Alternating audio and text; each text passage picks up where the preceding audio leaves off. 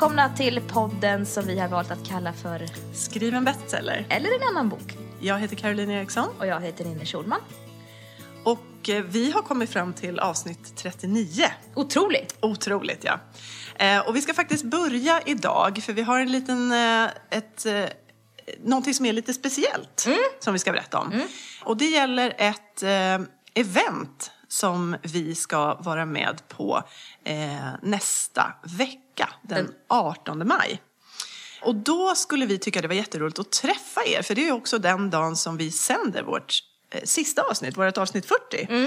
Så vill ni träffa oss, vi vill gärna träffa er, så kan ni eh, komma till Mercedes-Benz som har en pop-up store, som det kallas så fint, eh, som ligger i NK-passagen på Regeringsgatan. I Stockholm. I Stockholm ska vi tillägga, precis. Så det här är för, för er som bor i Stockholm eller som råkar befinna er i Stockholm den 18 maj på kvällen. Vi kommer att vara där mellan klockan 18 och 20. Klockan 6 till 8 alltså på kvällen. Och vi kommer att prata om skrivande. Vi kommer att prata lite grann om sånt som ni känner igen från året som har gått. Men kanske lite andra godbitar också. Vem vet vad vi får för oss och, och slita fram ur, eh, ja, ur tankarna. Ja, och det beror ju på er också vad ni har för frågor och det är bara att fråga på. Precis. Då, på plats.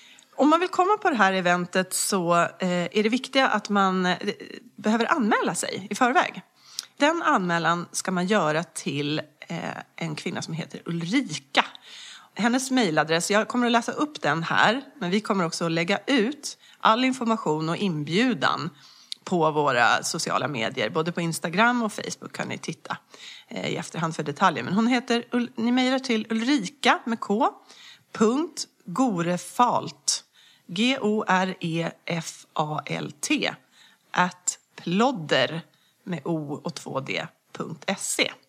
Tyckte ni det där var krångligt så gå in på Facebook eller Instagram och titta mer efter information där som sagt. Och det är gratis också. Det är gratis, det är en viktig grej att säga. Gratis är gott. Gratis är gott och trevligt. Och sen ska vi bara säga en sak till och det är det här med platsen. Att vi har förstått att när de har haft event tidigare där så har det varit svårt ibland att hitta. Så reka gärna lite innan. Men ett tips är då att det ligger, den här pop-upen, Mercedes-Benz pop-up ligger i Systembolagets tidigare lokaler. Då är det tydligen många som brukar eh, förstå att jaha, då vet jag. Eh, Så det finns lite olika ingångar eh, att ta sig dit. Men Regeringsgatan, NK-passagen, torsdag den 18 maj klockan 18. Hoppas att vi ses då. Ja, Och att vi hittar dit allihop. Men då går vi vidare till dagens avsnitt och eh, idag har vi ju en gäst i studion igen, eller studion, vi är hemma i Karolins kök som vanligt. är väldigt formella. Ja, det lät så proffsigt att Ja, säga studion. Ja. Men vi får säga välkomna till Petra König Tack. som eh, har arbetat i bokbranschen i över 15 år, bland annat som förläggare och redaktör på Natur och Kulturs skönlitterära utgivning. Eh, de senaste sju åren så har du jobbat som frilansande redaktör och manusutvecklare. Eh, och bland annat då också som lärare på Skrivarakademin på Folkuniversitetet. Och vad vi förstår då så har ju ditt stora intresse genom hela livet varit skrivande, böcker, historier, hur man berättar och hur man skriver. Ja. Det kan man säga. Jätte, jättehärligt att ha dig här. Ja, kul att få komma. Ja, det är jättekul att Ja. du, vi, vi känner att vi har så mycket vi vill prata om. Men Ja. för det första då så, innan vi drog igång den här inspelningen så pratade vi om vad du kallar dig. Förut så eh, kallade du dig för skrivcoach, men har Mm. gått över då till manusutvecklare istället. Kan du berätta varför du bytte titel och vad, det in, vad ditt jobb innebär egentligen? Vad, vad kan du hjälpa till med? Ja, eh, nej men det här med skrivcoach. Dels är jag inte så förtjust i ordet coach överhuvudtaget. Så då har jag funderat jättemycket på vad jag skulle kalla mig. Men skrivcoach är ju ändå lite inarbetat. Eh, och sen så när man kallar sig för manusutvecklare så är det många som tänker ja men då handlar det mer om tv eller film och så. Det jobbar jag inte med. Eh, Men nu har jag sett att det börjar bli mer och mer vanligt att man kallar sig för manusutvecklare även när man jobbar med böcker. Och då tänkte jag att eh, det känns ju mycket bättre för mig att kalla mig för det. Eh, nej men det som jag tycker är lite skillnaden mellan att vara skrivcoach och att vara manusutvecklare eller vad som ligger i det är väl att eh, skrivcoacher kanske är med och peppar lite mer redan innan du har liksom bestämt dig riktigt för vad du vill skriva om. Medan som manusutvecklare så kommer jag snarare in i processen när det redan finns ett material. Sen behöver inte det vara en hel bok, men oftast så är det att det finns en tydlig idé. Eh, man har skrivit ganska mycket på sitt manus och då kan jag komma in och göra en lektörsläsning som det kallas för. Eh, där jag tittar på, ja, på handlingen, på karaktärernas utveckling, på eh, strukturen och gestaltningen och så. Lite grann. Vem är din uppdragsgivare då? Är det förlag eller tar du även emot eh, ifrån privatpersoner då som skickar direkt till dig? Ja, det kan vara både och. Eller det, det kan se lite olika ut. Eh, jag jobbar ju mycket för förlagen och då gör jag ofta, inte alltid, men ofta hela projektet. Jag kommer in ganska tidigt i processen och jobbar just med ett råmanus och då handlar det mycket om just att titta på de här större dragen. Eh, innan, jag sen, innan man går in och redigerar sen och så vidare tills det blir en färdig bok. Men jag åtar mig också eh, privatläsningar för privatpersoner. Då någon som har skrivit klart sitt manus eh, och inte riktigt vet sådär, är jag klar som ni har pratat Ja, om just det, som tidigare? tror att de är klara. Precis. eh, ja, man känner sig hyfsat klar i alla fall. Ja, Eh, man kommer inte vidare själv. Nej, och man känner att så här, okej, ska jag skicka in det här nu? Mm. Eller, eller hur ska jag göra? Och kanske har några kompisar läst det, kanske inte. Men, men man kanske ändå känner sig lite sådär osäker. Och då kan man kontakta mig. Mm. Eh, eller någon annan lektör och fråga om man kan bli läst då. Mm. För att hitta det som kan förbättras innan man lämnar in det eh, och går vidare med texten. Om man ska utgå från våra lyssnare, vad, vad kostar en sån genomläsning och hur lång tid tar det? Och vad få får den? man Och vad av får det? man? Ja. alltså det kan ju se lite olika ut. Eh, verkligen vad det gäller arvoden. Så det är svårt att säga någonting Ja. exakt. Eh, det kan nog tror jag ligga på allt från mellan typ kanske 5 000 Mm. ex moms och uppåt. Eh, jag ligger uppåt Mm. eh, personligen. Eh, och det handlar ju mycket om erfarenhet.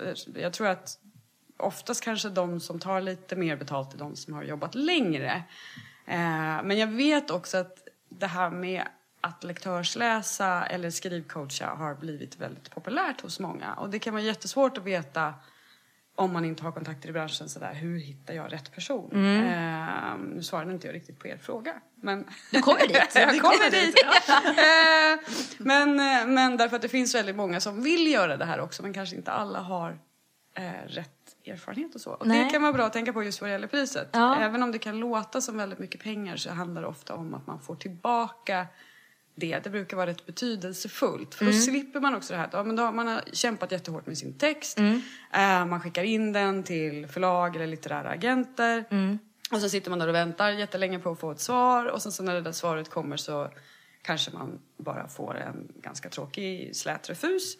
Eller så får man tips om att ja, men förbättra det här och förbättra det här. Men då kan man ju, har man redan gjort det så är ju naturligtvis chanserna att bli antagen eller utgiven mycket större. Och det här handlar ju även för den som är egenutgivare som Martin, visst hette han så? Ja, precis. Martin pratade, Falkman. Ja, just det. Eh, pratade om i förra avsnittet också att det här med att man ofta behöver hjälp. För även om man själv har gått igenom sin text på tvären och längden och mamma kanske har läst eller någon annan så är det just det här man ofta behöver någon som är helt objektiv och som också vågar säga ja men det här kanske faktiskt inte håller. Du måste liksom tänka lite mer på det här och det här och jobba om det här. Eh, så kommer det bli mycket, mycket bättre. Ja. Eh, och det är ju skönt att ha gjort det då innan Ja. Eh, Så att man vet att man verkligen har gjort allt man kan innan man skickar in. Eftersom förlagen får ju in så fruktansvärt mycket manus, det här har ni ju också pratat om. Den som har lagt mycket energi på att jobba, det, det, det belönas, eller det lönar sig att göra det. Ja, man vill ha bästa möjliga förutsättningar när man väl skickar in. Ja. Ja. Men jag tänker så här, jag, som, jag har ju både använt mig själv av lektörer Mm. tidigare. Eh, jag har också lektörsläst. Så jag tänker att det är ändå en viktig grej att säga här också. Man kan tycka att det är mycket pengar och så. Men det är också så att det är en ganska stor insats som den här lektören gör. Jo. Både vad gäller tiden som man lägger ner Jo. och sen så som du var inne lite grann på att man får också ett utlåtande som är eh, i de allra flesta fall ganska fylligt. Kan du berätta lite mer om hur Ja. ett sånt här utlåtande ser Cancer. ut? Ja, det kan ju vara lite olika. Jag tror vi alla jobbar lite olika. Men jag brukar göra så här att jag, eh, jag skriver alltid ner också. Jag lämnar alltid mina synpunkter skriftligen också. Och träffar författaren personligen i den mån det nu är möjligt. Jag menar, om någon kanske, alla kanske inte har möjlighet att åka upp till Stockholm där jag bor. Men jag försöker se till att ordna ett möte. Eh, eftersom det är så viktigt att Tycker jag också när man träffas att man, det här är så känsliga grejer ändå. För det är ju det. Det är ju liksom författarens lilla bebis som jag har dissekerat. Eh, och som jag ska komma med synpunkter på. Och då tycker jag att det är väl det minsta man kan göra är att träffa den personen eh, och prata om det på riktigt. För då hittar man också ofta lite kanske andra saker eh, än vad jag har gjort i min läsning. Och att jag lämnar mina synpunkter skriftligen också, det gör jag för att jag vet själv hur svårt det är att sitta och ha ett möte med någon eh, och prata samtidigt och tänka jättemycket och så ska man skriva ner det och det är inte helt enkelt. Och då tycker jag att det är väl ändå det minsta jag kan göra. Att skriva ner hur jag har tänkt. Så då får man ett par sidor av mig och det, oftast är det Ehm, alltså kanske mellan, ja, mellan två och fyra sidor ungefär med synpunkter. Jag försöker hålla mig kort, inte alltid lyckas med det. Eh, för precis som du säger, det tar tid eh, att göra de här läsningarna. Men samtidigt när man har läst så vill man ju ge så mycket som möjligt till författaren. Och har man då ändå tänkt på 47 saker så, så känns det ju onödigt att inte tala om det. Liksom. Eh, men så, då, så jag lämnar det skriftligen efter mötet. Men sen så går vi igenom mina tankar under mötet. Jag brukar också börja med då att berätta hur jag har tolkat eh, själva manuset. Hur jag har läst. Hur jag uppfattar handlingen. Eller det här handlar om för mig när jag har läst. Eh, och sen innan jag går in på mina synpunkter på vad som kan bli bättre. Och Det brukar vara jättekul. Alltså jag älskar ju det här, det är ju därför jag gör det. men, eh, så då, ja, men så då brukar man ha ett möte på kanske ungefär en timme, brukar vara lagom. För pratar man längre då blir det oftast, alltså det tillför oftast inte så himla mycket Nej. mer. Och det är, i regel är det ju så att författaren också har väldigt mycket att kanske tänka på efter det här mötet. Eh, så då kan det vara bra att bara så här, gå hem, ta med sig de här tankarna, eh, hälla upp ett stort glas vin om man nu gillar det eller vad man nu ska göra. Bara in, inte börja pilla i manuset det första man gör. Mm. Det, är mitt, det är faktiskt mitt bästa tips vad det gäller efter lektörsläsningen. Eh, kasta det inte över manuset och gör om allting, för det är inte det. Utan låt det landa först och tänk igenom och fundera. Liksom, har, förstår lektören mig? Eh, och är det någonting som personen inte har förstått som kanske gör mig förbannad, för så kan det ju vara ibland. Eh, ja men ta spjärn mot det då. Använd den irritationen. Den här jävla människan fattade inte vad jag menar. Och varför gjorde hen inte det? Liksom, och hur ska jag hantera det? Ja men det kanske trots allt är så att jag inte har lyckats förklara hur jag menar, men då ska jag visa för den här korkade Petra vad jag menade. Så använd liksom i så fall, om det blir det, använd det. Och tänk att så här, men, men försök förklara. Eh, för mig då, om jag inte har förstått. Eh, eller liksom ta det som ett tecken på att där någonstans är det någonting som Sverige, jag kanske inte ska göra exakt som lektören föreslog. För det är ju så trots allt, det finns ju liksom inget rätt eller fel i det här. Men ta det som ett tecken på att här är det någonting som brister. Och hur kan jag lösa det? Eh, För du föreslår också ändringar. Ja. Du påpekar inte bara att det här, det här håller inte utan du föreslår hur, Ja, hur och man det kan är ju lösa det. jätteviktigt. För ja. att, att om man ska ha en lektör som bara sitter och hittar fel, Ja. då blir man ju helt knäckt. Ja. Så det handlar ju inte om det, utan det handlar ju verkligen om att inspirera författaren till att jobba vidare med sin text. Mm. Eh, Det anser jag i alla fall är lektörens, eller det anser väl de flesta, men det är lektörens eh, uppgift. Mm. Sen kanske man inte alltid kan lösa allting åt författaren för det är trots allt författarens text, Mm. det är författarens arbete att skriva om den. Det är Mm. inte mitt arbete som lektör eller ens redaktör nödvändigtvis Mm. att göra det utan det handlar ju om er berättelse, ni som skriver. Liksom. Eh, Men jag försöker alltid komma med så många förslag som jag kan Mm. på hur man kan göra. Det kan handla jättemycket om, vi var inne på men karaktärernas utveckling, men det kan vara liksom, ja men behövs verkligen Kurt i den här berättelsen? Ja. Är det så att han måste vara med? Eller är det kanske så att Kurt och Lennart i själva verket är en person, inte två personer? Och det här är mycket vanligare än vad man tror. Ofta händer det helt fantastiska saker med manus när man tar bort karaktärer eller slår ihop dem. Ja, Då ja, brukar ja. saker, ofta, jag tänker att som författare jobbar man på väldigt många olika nivåer och man jobbar ofta ganska undermedvetet. Mm.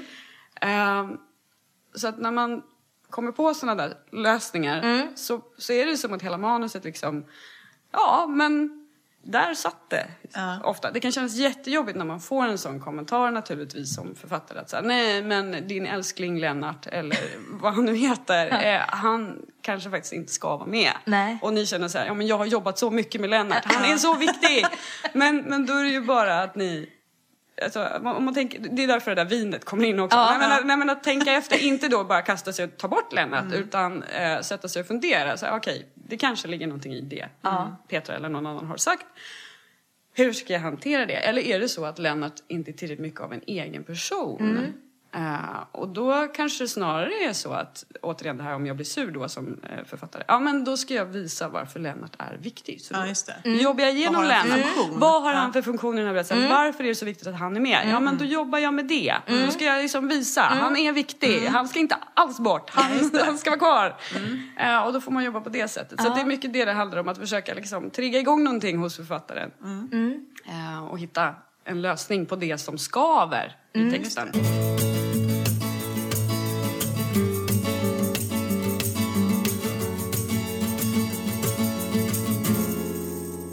Vad kan det vara mer för här drastiska åtgärder? För att som författare när man sitter och skriver och någon föreslår att man ska ta bort en person är ganska stort. Ja. Eh, vad finns det mer som du har varit med om så här radikala förslag som du har gett som har fått författarna De är typ många. Ja, ja, men vi vill höra, det är så intressant för det kan ju ge tankar liksom Ja. kring ett eget manus, att man faktiskt ska våga tänka de tankarna själv. Att Ja. ska, ska den här personen vara med? Ska det, Det- utspela sig på den här platsen verkligen? Ska, jag- måste det här vara i dåtid? Eller liksom, Mycket förstår? just de sasakerna som du nämner kan Ja. det ju handla om att byta, eh, ska det här kanske bara vara i nutid Mm. eller, eller tvärtom? Eh, är det rätt perspektiv? Det kan ju vara en sån sak. Väldigt många när man börjar skriva så är det ofta så att man skriver i första person, alltså jag-form. Mm. Och det är ju väldigt lätt att man gör så för det ligger närmast en själv tänker man. Mm. Eh, grejen är att det är väldigt svårt, mycket svårare än vad man tror att skriva i första person. Eh, Varför? jo, därför att då ha, kan man ju bara visa världen utifrån, inifrån en person. Ehm, för att det ska hålla. Och det kan bli fantastiskt om man lyckas. Det kan bli, man kommer oerhört nära och pratar verkligen med läsaren. Men det är också just att det är så begränsande så det kan vara väldigt svårt. Så ofta är det så att byter man då till tredje person så kan man få en helt annan berättelse. För då kan man ju börja med miljöbeskrivningar på ett annat sätt och man kan röra sig eh, på många olika sätt. Så det, det, det händer väldigt ofta att jag kanske rekommenderar att man byter perspektiv på så vis. Jag har, eh, ni frågade mig i, pappret om eh, vilka brister som kanske är allra vanligast eh, när ni mejlade till mig. Och då, då är det en sak som jag tycker är det allra, allra vanligaste, kanske ännu mer vanligt än det här att man byter perspektiv. Och det handlar jättemycket om vad författaren vill att det ska vara för berättelse. Ja. Och där tror man ju kanske så här, ja men jag vet precis vad jag är på väg, jag har jobbat jättemycket med det här, jag vet åt vilket håll den här berättelsen drar. Fast ganska ofta är det så att man inte trots allt riktigt vet det. För man vill ha med väldigt mycket. Man vill säga väldigt många saker samtidigt. Och det funkar inte alltid så bra när man försöker säga många saker eh, samtidigt. Ehm, så det, det är väldigt vanligt att, att jag får prata om just sådär, men vad är viktigast för dig att säga? Och då kan det handla om, för att ta ett väldigt konkret och enkelt exempel, det kan, det, det kan handla om att man får in ett eh, manus som är där det finns, eh, det är så här, ja men det här, det här är en deckare och den, den handlar om en seriemördare i Vadstena säger vi eh, och det här och det här ska hända. Men sen så när man läser manuset så upptäcker man att ja men alltså de här relationerna mellan seriemördaren till exempel, eller polisen och hans son. Det är här bränner det till. Det är här det verkligen, verkligen blir spännande. och de där morden, de känns mest bara påklistrade. Och den här mördaren, det är inte så trovärdigt den här mördaren. Man känner så att men författaren egentligen mm. tycker ju det är mycket roligare att skriva om den här pappan och sonen. Eh, och då är ju frågan liksom, vad är det du vill skriva? Är det kanske så att du egentligen ska skriva en relationsroman om en, en far och en son? Och han, sonen kanske har vissa svårigheter och hur ska pappan hantera det? Alltså det är kanske mm. där manuset egentligen borde vara. Mm. Ja, och precis tvärtom, det kan vara så att någon så här, ja men jag har skrivit en relationsroman om en pappa och hans son. Mm. Och det tycker jag är jätteviktigt. Och sen så börjar det hända lite konstiga saker eh, i området där de bor. Och det är någon som blir mördad och sådär. Eh, och sen så upptäcker man att, ja men oj, det här var ju jättespännande. Det är någon som blir mördad. Och oj, oj, oj, och vem kan det här vara? Och det här är någonting helt nytt för författaren kommer få en briljant idé men inte förstått det själv kanske. För att jag har bestämt mig för att, jag vill, så här, deckare känns lite så här fånigt för mig att skriva. Jag vill, det är viktigt med den här relationen mellan mm. fadern och sonen. Det är det jag alltid har längtat efter. Så här, ja, fast egentligen så har ju du skrivit en, eller du har ett embryo till mm. en jättespännande deckare här. Mm. Du kanske ska släppa mm. den där. Det kanske är en annan bok helt enkelt. Mm. Mm. För så är det ju också. När man tänker liksom, man ska ju egentligen inte slänga någonting. Det behöver vi inte heller göra idag. Spara allt som ni skär bort och som ni känner så här, okej okay, det här är min lilla darling det här var jättejobbigt att skära bort den, eh, men lägg den i ett dokument märkt slask eller vad som helst, mm. eller darlings. Mm. Eh, och sen så spara det. Uh. För ni kan återanvända det sen. Ni kan ta, använda samma scener långt senare. Ingenting är någonsin förgäves. Det här är en mm. viktig sak som jag vill säga också. Mm känn inte så. Att så okej, okay, nu kommer en, en ond lektör eller redaktör eller förläggare och säger så här, nej men ta bort en massa saker. Ha, här har jag suttit i fyra mm. år och slitit och försökt få till det här och det är mm. bara skräp. Men nej, för ni har använt den tiden. Ni har alltid använt den tiden till att lära er om skrivande eh, och lära er om era karaktärer också. Och ibland så får inte alla teman plats i mm. en och samma text. Men mm. spara dem då. Det kan bli en bok en annan gång. Mm. mm. Jag kan tänka mig att, eh, att man som debutant lätt kan fastna i det där att man vill berätta så mycket. Man har ett ja. liv, man har gått och samlat på sig mm. tankar och, och, och, känslor om, om allt. Mm. Det rymmer så mycket och så får man då chansen när man tänker nu ska jag, nu ska jag skriva och då ska allt med här. Ja. Eh, när man har gett ut någon bok eller två då och tänker att jag har några böcker jag ska skriva i mitt liv mm. och det rullar på, då kanske man kan lättare tänka att det här hörde den här boken och sen ska jag skriva en annan bok. Som, men att det kan vara svårt kanske då Ja, det är klart att det är svårt. Ja. Eh, och, och se det och förstå det. Att det finns... Ja, så mycket viktigt jag vill säga. Ja, ja men precis. Jo, men också att man får fler chanser att ja, säga precis, det. För det är ju precis, det det handlar man tänker... man måste tro på det. Ja, för att, att som icke-utgiven så är ju det där första steget att bli utgiven. Är, man tänker ju bara att det händer en gång. Ja. Jag får en chans ja. i mitt liv och då måste jag ta den. Mm. och berätta allt allt som jag har ja, att säga. Att man får två chanser, det finns ju inte på kartan att Nej. man kan tänka. Men det, det, ska ni göra tycker jag, alla ja. ni som skriver. Eh, därför att det, det viktiga är att det blir er, oavsett om det är er första eller femtioelfte berättelse så måste den ändå hålla ihop. Det är mm. jätte, jätteviktigt. Och att ni lägger också fokus på rätt ställe när ni skriver. Vi pratar om det här med, det kan ha att göra med om man är debutant eller, eller erfaren. Men, men även som erfaren kanske man kan ta på sig för stora skor oh, ja. eller spänna bågen för högt eller ta på sig för mycket.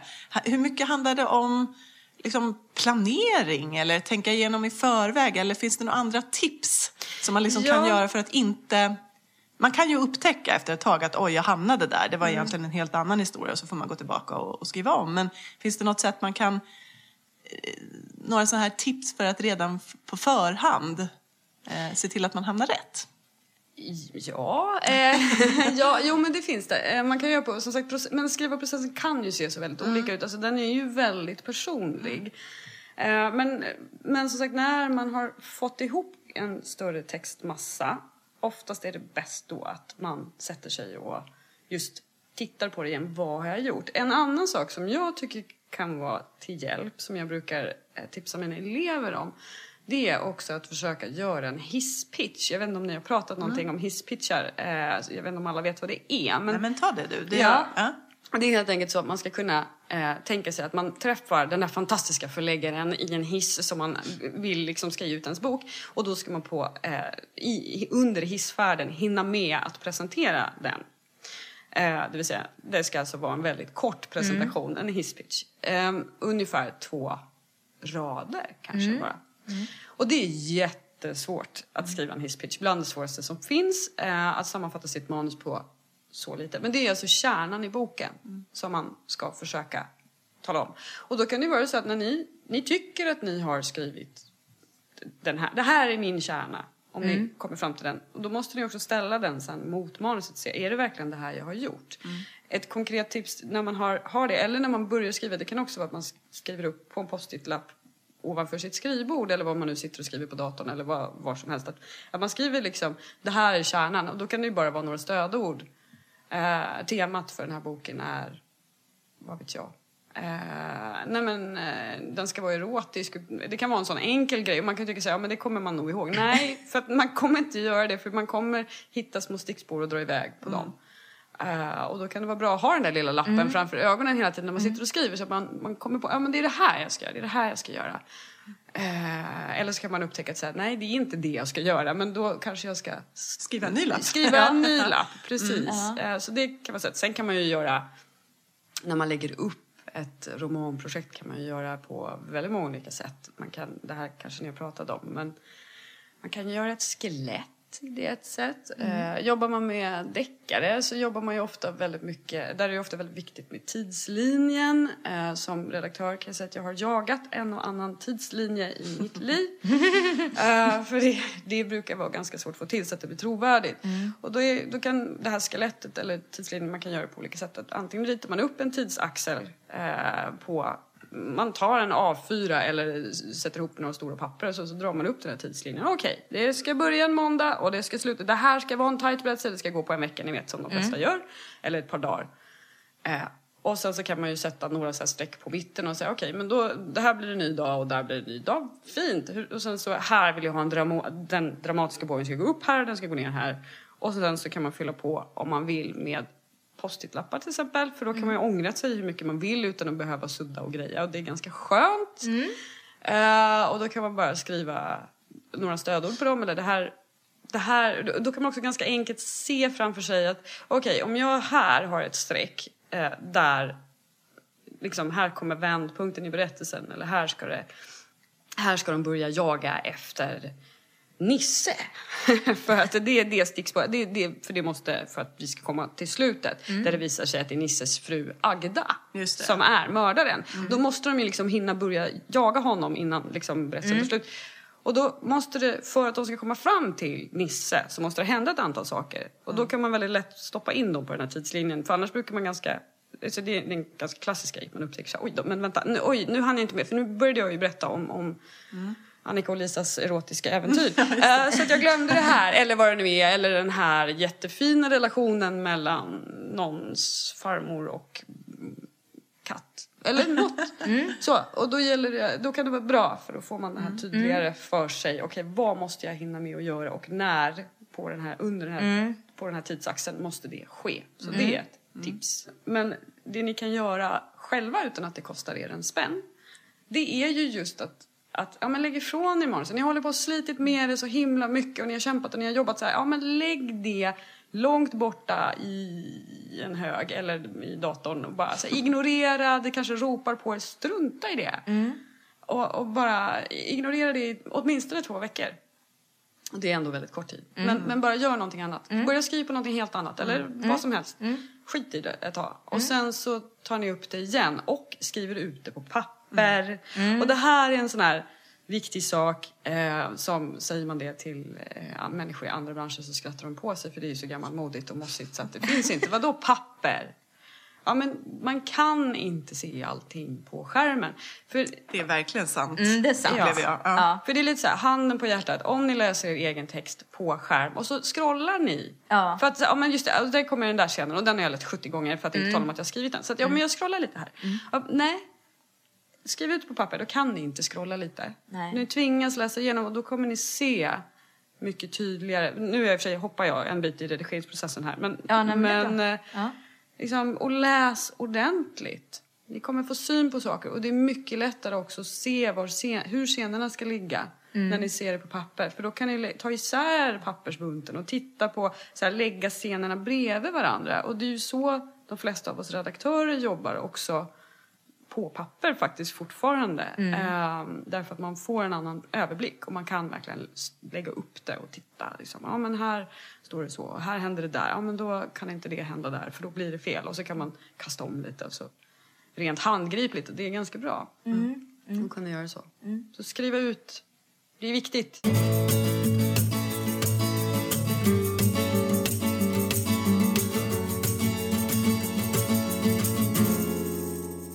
Tänker du som lektör där? Ger du Mm. beröm? Nu är man ju inte det man är ute efter när man betalar, men tänker du på det att, att eh, det kan vara viktigt att påpeka det som är bra? Absolut. Jo, men det, och det är ju hela poängen. Ja. Eh, om jag bara skulle läsa och påpeka saker som inte var bra så skulle ju det...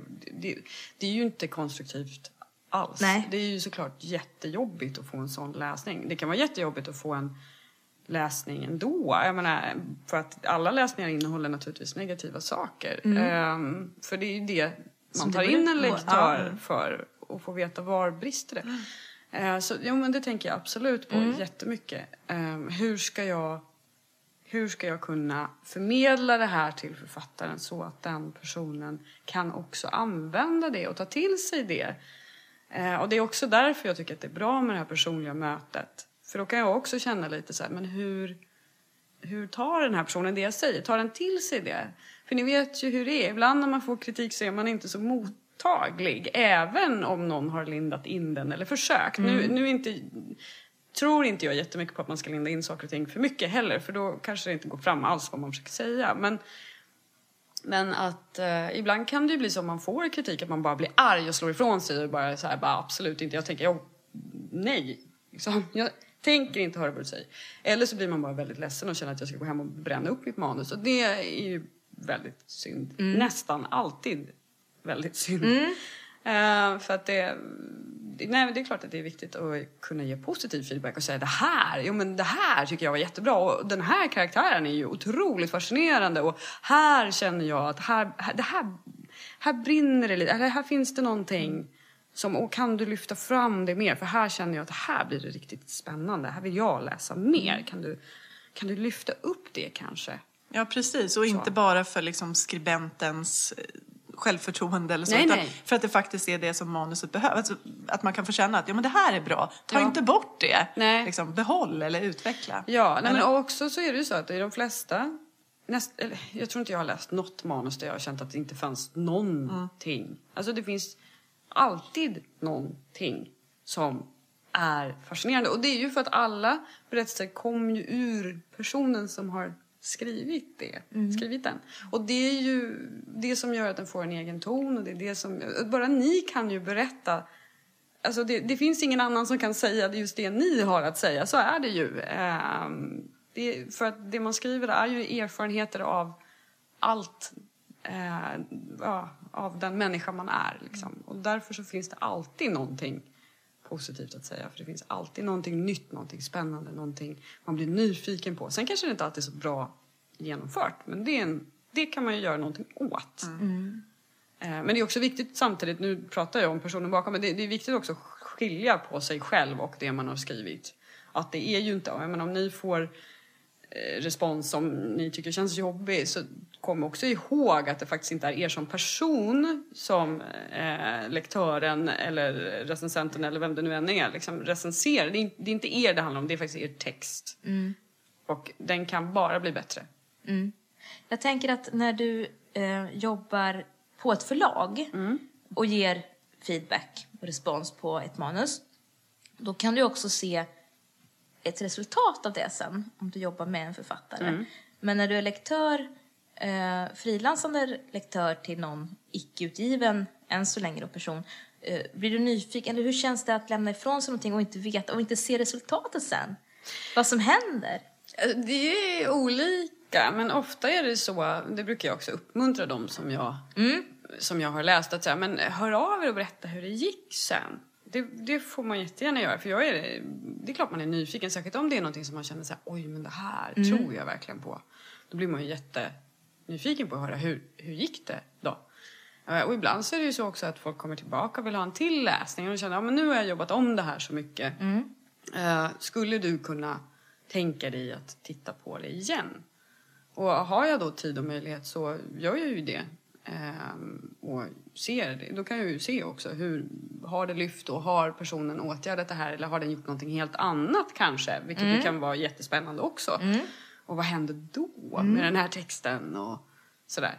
Så det, mm, ja, det kan se olika ut. Men det, det är klart jag är nyfiken på hur det går. Ja, för det, jag, alltid. jag tänker att det kan vara lite frustrerande att bara ge feedback på något som verkar jättespännande och sen så vet man inte hur det gick.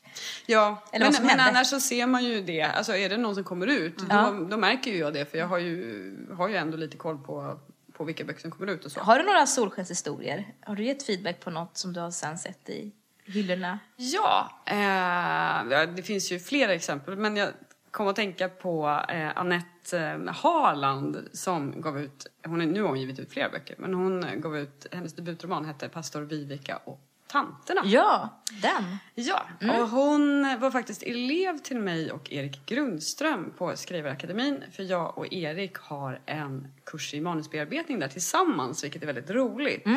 Eh, för Erik är en sån himla bra person så det är jättekul att jobba med honom. Eh, och den är lite uppdelad så att han jobbar med manusen under resans gång och de tittar, det här vi tar bara in tre elever så det ska vara en spetskurs. Eh, så. Och sen jobbar han med dem under resans gång och sen på slutet kommer jag in och gör egentligen en lektörsläsning eller förläggarläsning. ehm, där jag liksom tittar på hela manuset. Så att man ska ha verkligen mycket text för att få vara med på den här kursen överhuvudtaget från början. Och då var Anette en av våra elever. Och sen lektörs... Ja, det var jätteroligt. Och sen så läste jag den, har jag för mig, efter kursen också. Och eh, då... Så, för jag kände att så här, jo, men det här, det, jo, det finns någonting här. Och det är de här, den här prästen som går omkring med under sin eh, prästkappa så har hon aggressiva, eller t-shirts med jätteaggressiva budskap på. Och det var någonting i den där bilden som jag gillade väldigt, väldigt mycket. Jag är inte sådär jättekyrklig av mig, tyckte det var väldigt roligt. Och sen också hennes stil och, ja men det fanns någonting väldigt mysigt och puttrigt och nästan lite sådär småbrittiskt över de här sura tanterna i församlingen och sen börjar de dö och sådär efter. Annars är kanske det inte riktigt min genre, men, men det var mm, det var någonting Ja, särskilt ja. där som jag ändå gick igång på. Så det var jätteroligt att göra det. Eh, och sen så, så småningom så dök ju boken upp på eh, Albert Bonniers, tror jag det var till och med. Så det är ju jättekul. När man får, ja, Ja. det är ju jättehärligt när man får se. Och då hade du gett ganska så här tydlig feedback då på, som hon gick Ja. hem och tog till sig och jobbade Ja, nu har ju inte jag, ska erkänna att jag har inte läst om den då. Nej, det, det är nej. ju nackdelen i det här jobbet. Att man hinner ju läsa väldigt lite. Ja, eh, är sådär klart. privat. Men så det, det, Vad har, det vet ändå. jag ju inte. Nej. Men, men, eh, ja, nej, men det var jätteroligt. Verkligen jättekul. Det är ändå en sån här härlig historia att höra. Det händer Ja. faktiskt. Oh, alltså, eh, ibland kan det vara lätt tror jag om man sitter det blir lite hopplöst. Jo. Att, vem blir utgiven egentligen? För man hör hela tiden om hur svårt det är och hur Ja, få. och, men att det faktiskt händer. Ja, absolut. Och det gör ju det. Och jag, jag vet också att jag kan ofta vara så här, ja men det är ändå bara kändisar kan man få höra, som blir utgivna. Och, och det är ju trots allt inte så. Det är lätt att, att, att tänka det när man sitter där och är olycklig på sin kammare äh, med sitt manus. Men, men det är inte så. Skriver ni bara en tillräckligt bra berättelse så spelar det ingen roll vem ni är, det spelar ingen roll hur ni ser ut. Det, alltså, allt det där är oväsentligt. Det viktiga är, håller berättelsen? Är den trovärdig? Blir jag intresserad av att läsa? Om ja, så kör. Liksom. Härligt. Ja. Det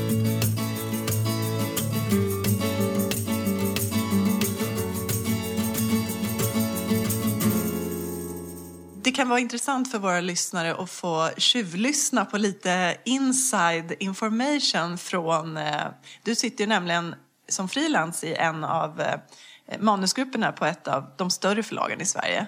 Ja, det stämmer. Eh, Jag, jag sitter i Forums manusgrupp Ja. varannan vecka. Det är ett förlag vi båda känner till. Ja, det känns bekant, ja. det, är, det är något bekant över den. Ja. Men kan du inte berätta, hur, vad är det ni gör under de här mötena? Hur går det till?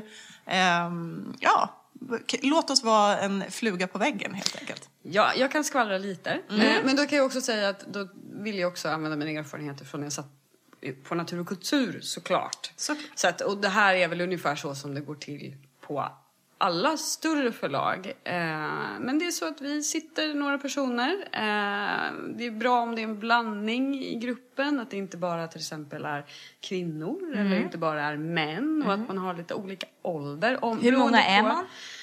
På forum är vi ganska många. Eh, fem, sex, sju stycken. Ja, det beror ja. lite grann på hur många som kan vara med just eh, vid det tillfället också såklart. För att man har ju mycket att göra, särskilt i olika perioder. Hur ofta träffas ni? En gång i veckan. Men jag är med bara som sagt varannan vecka. Eh, och då, nej men då är numera, nu för tiden, till skillnad från när jag var på Natur och kultur, då fick man bara in manus i pappersform. Så då fick man ju liksom, satt man där med en enorm trave med papper som man delade på. Och nu på Forum så läser vi digitalt. Ehm, och, så vi sitter där med våra datorer och paddor. Och så går vi in i det, det system där man laddar upp sina manus i och så väljer man ett manus och så tittar man på det och då läser man som det här kanske ni har pratat om, men, men såklart är det ju så att det är, ju- man hinner ju inte läsa alla manus från A till Ö. Det är ju väldigt jobbigt att höra naturligtvis. Men tyvärr så är det så, för det kommer ju in så fruktansvärt många manus så det finns inte en möjlighet att göra det. Så då läser man kanske de första 40 sidorna ungefär. Eh, och det här är också ett viktigt tips till alla er som skriver innan ni skickar in. Om det sista ni ska göra är att läs igenom de 40 första sidorna en gång till. Så att det inte är... För jag menar, det, är det är ingen som förväntar sig att ert manus ska vara perfekt när ni skickar in det till ett förlag. För det måste det verkligen inte vara. Men ni kan ju dubbelkolla de där 40 första sidorna så att det inte är just där är 50 stavfel och eh, saker och ting inte hänger ihop. Eller hoppsan, ni hade inte samma stil där därför att ni skrev igenom hela manuset och hittade er röst först längre in och sen, ja men ni vet sådär. Och det är också ett annat tips. Innan ni lämnar ifrån er någonting, läs sista kapitlet i manuset och sen läser ni direkt efter det första kapitlet för då kommer ni upptäcka att det kanske har hänt något och så får ni skriva igenom lite till. Men det var en utvikning. Eh, nej men eh, det är ofta de där 40 sidorna som tyvärr har väldigt stor betydelse. Nu vet ju naturligtvis de som jobbar på förlagen att okej, de första 40 sidorna är också väldigt svåra ofta att skriva så att man försöker ju hoppa och titta längre in i texten också. Men det är ju ungefär ändå dem det hänger på. Och följebrevet naturligtvis. Men det har ni pratat om tidigare så det tänker jag inte eh, säga någonting om. Men sen, eh, ja, så tittar man på det där. Är det någonting som verkar spännande, ja men då läser man ju såklart vidare. Och det behöver ju inte vara super jätte, jätte, jättespännande för att man ska titta lite till. Utan det räcker, men det finns någonting. Ja, men då blir jag lite nyfiken så kollar jag vidare. Och sen kan det vara så att jag känner så här, ja men här det finns, jag tycker om eh, rösten, jag tycker om... Jag tycker det, det här är spännande, jag gillar karaktärerna men kommer det hända någonting? Det är oftast en sån fråga man ställer sig. Blir det något då? Och då kanske det står i följebrevet, jo men det kommer hända det här och det här. Och sen, så liksom, när kommer det här hända? Och så försöker man bläddra sig fram och se, liksom, händer det något, händer det något? Och, och ibland så är det ju så att man helt enkelt eh, bläddrar till slutet och inser men det kanske inte händer så mycket ändå. Eh, ibland så lämnar man det vidare till någon annan och säger, ja men kan du, kan du också, jag, jag, jag gillar det här men jag är lite osäker av någon anledning så kan inte någon annan kolla, kan inte du kolla också? Så att vi inte missar någonting och så att vi verkligen har gett det här manuset en ärlig chans. Ja. För det vill man ju såklart göra. Så får jag bara fråga en, en praktisk fråga. Alltså ni, under mötet, det är då man plockar upp och börjar läsa manus. Så det är inte så att man kommer dit och har Nej. liksom scannat lite i förväg och så vill man diskutera. Utan man, ni sitter där, tysta runt bordet Ja. och, och läser. Och läser ni då olika? Ja. Plockar man det man vill eller ser ni till att... Nej, vi, tar, nu, vi försöker vara ganska sådär duktiga på att ta i ordning. Sen är det såklart så att vi alla har olika intressen. Någon kanske är mer intresserad av en genre än en annan eller har lite koll på det ena eller det andra. Och då försöker man se till så att den personen kanske läser. Ja, men säg att det är fantasy eller säg att det är Nej men någon särskild sådär. Ja men då, då kanske det är bättre att den här personen läser det. Ehm, så så försöker man ju tänka. Allt för att också visa författaren respekt, att, att manuset respekt. För att det ska bli en, en vettig läsning såklart. Och sen så, ja, så tittar vi på texterna. Tills vi känner att så här, nej men nej, det här måste vi nog tacka nej till. Eller åh, det här är så himla spännande. eh, kanske ska en lektör läsa det här. Och då, eller så kanske förläggaren går hem och bara, ah, det här är så himla kul, jag måste läsa det här. Eh, och läser det. Eh, eller någon av oss i gruppen, eller hur det ser ut. Men ofta, ganska ofta så lägger, lägger man ut på en lektör som läser och kommer med ett utlåtande.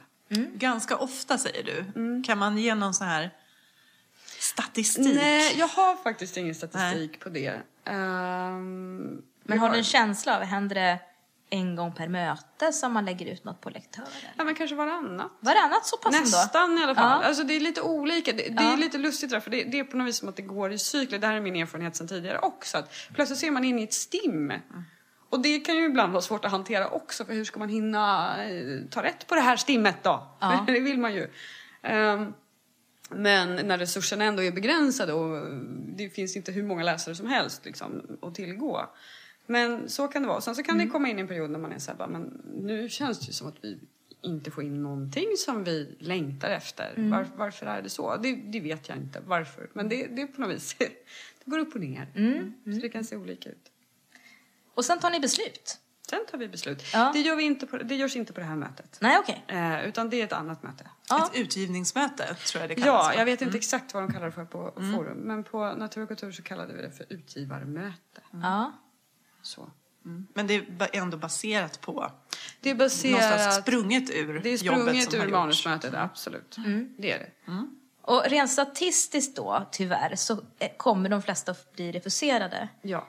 Men hur ska, man, hur ska man ta det här som författare? Man har lagt ner år av sin, sitt liv på ett manus och så blir man refuserad. Hur ska man tänka? När, när vet man att det är dags att ge upp ett manus och när vet man, eller kan man känna hopp att jobba om det? Ja, alltså får man någonting av förlaget? Det här är så svårt. Jag inser det när jag pratar med mina elever. För att sit, när man sitter på förlaget då är det ofta så att man tycker så här, ja men vi har ju sagt jättemycket. Och så sitter man där som författare och bara, de hatar mig, de har inte sagt någonting.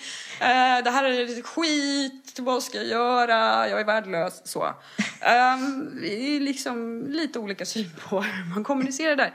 Och det, så det är jättesvårt att tolka en refus. Och det är jättesvårt att veta vad man ska göra. Men får man bara någonting, till och med om det är något så lite som ibland kan det vara, alltså om ja, vi har läst med intresse, ja men då har du i alla fall gjort någonting rätt. Men är det bara en slät refus, då kanske du ska fundera. Det kanske inte Och hur är låter en sån då? Tack för att du har... Eh, hej, Kurt. Tack för att du skickat in ditt manus till eh, förlaget. Tyvärr har vi inte möjlighet att eh, ge ut... Eh, ja, nu tappade jag bort mig. Men, men det är så här, Något tack sånt. men nej tack. Ja, det passar inte Tack men nej tack. Det passar inte in i vår utgivning. Fast det betyder ju oftast det passar inte in i vår utgivning. För det kanske är så att ni har skickat in en spänningsroman till ett förlag som bara ger ut poesi. Ja, just Då det. passar det inte in Nej, i utgivning. nej. Så att ofta så, så är det så att det som står i det här brevet faktiskt är på riktigt. Ja. Eh, så att, Man ska inte övertolka saker heller. nej, det ska man inte heller. Mm. det är naturligtvis en svår balansgång. Men får man några rader bara om om så här, eh, vi, tyckte, vi tycker att du har en egen röst. Vi tycker att du Eh, vi tyckte om den här berättelsen, det finns någonting i den här relationen men tyvärr så tyckte vi inte att det höll hela vägen fram eller något sånt. Då har förlaget varit intresserade. För de har inte tid att ge er någon som helst uppmuntran om de inte verkligen menar det. Nej. Så får ni minsta lilla positiva feedback, ta åt er. Och liksom sug på den karamellen och fatta att det är en karamell framförallt. Fast den inte känns som det. En saltkaramell. Ja, ja den är Eller lite sur. bitter. Men den är ändå, det är ändå någonting. Det är en karamell i alla Det är en fall. karamell lik förbannat. Nej men liksom så, så, ja men ta till er det och försök tänka så här, ja de sa nej. Men det betyder inte att det är fel på mig. Nej. Det betyder inte att det här är den värsta skit de någonsin har läst. Det betyder inte att det här inte går att utveckla, framför allt. Är det det det handlar om. Och har ni då fått den här, jo men vi, det, det finns någonting här. Försök då hitta, vad, vad var det de såg? Vad var det? Vad, och vad ville de att jag skulle göra? Ibland har jag tänkt att jag ska hålla så en kurs i hur man tolkar en refus, för jag har förstått att det är väldigt svårt. Men, men försök liksom ta till er av det som är positivt. Det, det är mitt bästa råd. Och det här till din fråga om när ska man då ge upp ett manus? Det är jättesvårt att svara på. Eh, för det, ibland måste man kanske göra det. Eller man måste tänka att ja, men det här kanske jag ska skriva en annan gång. Jag kommer inte vidare nu. Eh, och det kanske är när man har fått liksom, väldigt många refuser där det bara var tack men nej tack. Då kan man börja fundera över, okej jag gör förmodligen någonting fel. Eller så tänker man, ha, jag ska överbevi- överbevisa dem alla, jag ska ge ut den själv. Men då kan det också vara bra kanske att ta, ta hjälp, alltså att ta, anlita en lektör då. Som också, om man inte förstår, ja men vadå, jag har ju försökt, jag har försökt. Ja men ta hjälp av någon som kan säga så här, ja fast, vet du, eh, det här perspektivet funkar inte. Eller ditt språk kanske inte håller, du måste arbeta mer med ditt språk. Eh, eller det här manuset vill för mycket och det spretar för mycket. Det är på, det, du är överallt, liksom. du är på väg åt alla håll. Du måste bestämma dig för vad det är du vill berätta. Så. Där skulle jag vilja, du nämnde språk här. Vi har ju pratat väldigt mycket om liksom, karaktärer, dramaturgi, allt det där. Men vi har inte nämnt så mycket språk. Alltså själva orden. Finns, det, finns det någonting som man direkt ska undvika? Eh, eller liksom, förstår du vad jag menar? Fin, vad, vad, är det som, vad är det som gör ett språk dåligt? Ja, och det är ju inte som många tror stavfel nödvändigtvis. För att stavfel går att rätta till. Grammatik är lite bökigare, men det går att rätta till om det är en fantastiskt spännande berättelse. Eh, men det kan handla om att det är alltför klichéfyllt. Det kan handla om att man börjar varje kapitel med att det var en solig dag i början av juni.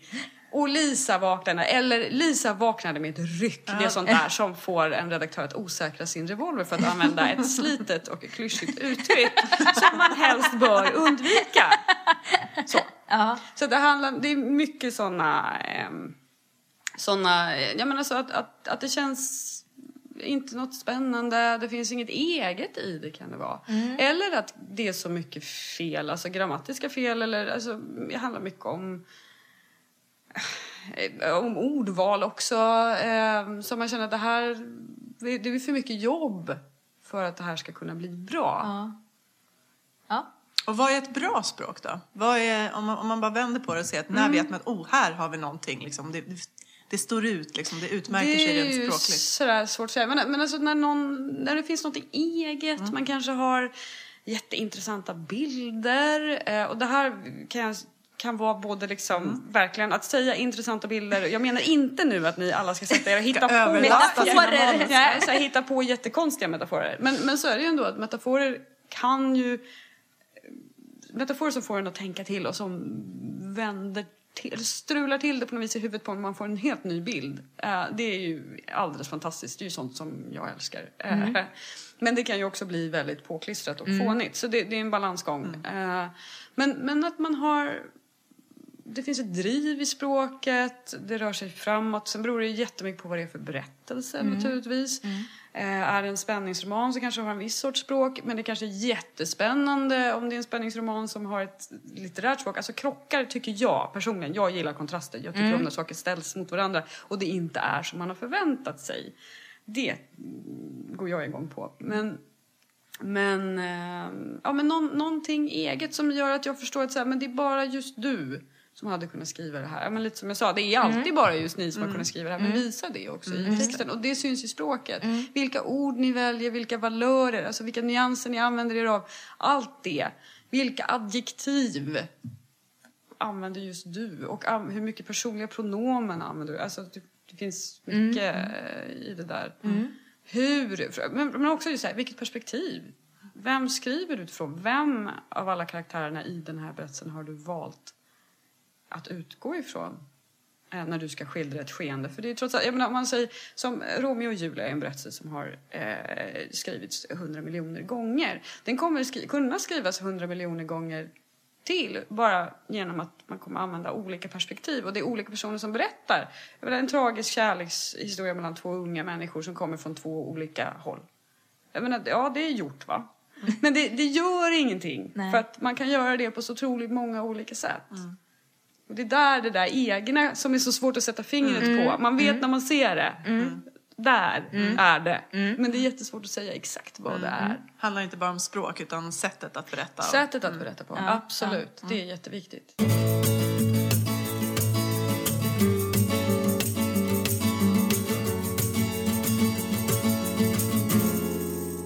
Jag känner att vi skulle kunna sitta och prata med dig Ja, hela dagen, men det börjar väl lida mot sitt slut här. Det var jätteintressant eh, att ha dig här. Och som Tack. sagt, vi hade kunnat spela in dubbelt så länge. Ja. Men Ja, jag hade kunnat prata dubbelt så Ja. länge. Vi kanske får tillfälle att återkomma någon annan gång. ja, får göra ett återbesök i podden. Ja, precis. Hörni, innan vi slutar ska vi påminna om eh, det här trevliga eventet som eh, vi kommer att befinna oss på nästa vecka. Det är alltså på Mercedes-Benz Pop-Up Store i Stockholm, NK-passagen Regeringsgatan mellan klockan 18 och 20 på kvällen. Och glöm inte att föranmäla er om ni vill komma. Och vi lägger upp detaljer som sagt var på vår Facebook-sida och på våra Instagram-konton. Precis. Och så vill vi tacka som vanligt Timmy Strandberg på poddbyrån för att du klipper bort allt tok vi säger när vi inte vet vad vi ska säga. Och så ska vi tacka Josh Woodward som vi lånar musiken av. Och tack till alla er som lyssnar. Vi gillar er. Ja, jättemycket! Vi hörs nästa vecka. Ja, det gör vi. Hej då! A sticky summer's day in Shepherdstown. An eagle in a thermal is a circling round like a tire on a bike rolling down Columbus Street. But Katie got a little look of hope in her eyes and her arms unfold and she looked to the skies and said, I'm gonna learn to fly around with you, jumped up high and she fell to the ground and skinned her little knee and made a horrible sound. She got right up and she tried it again and smiling all the way with her unstoppable grin.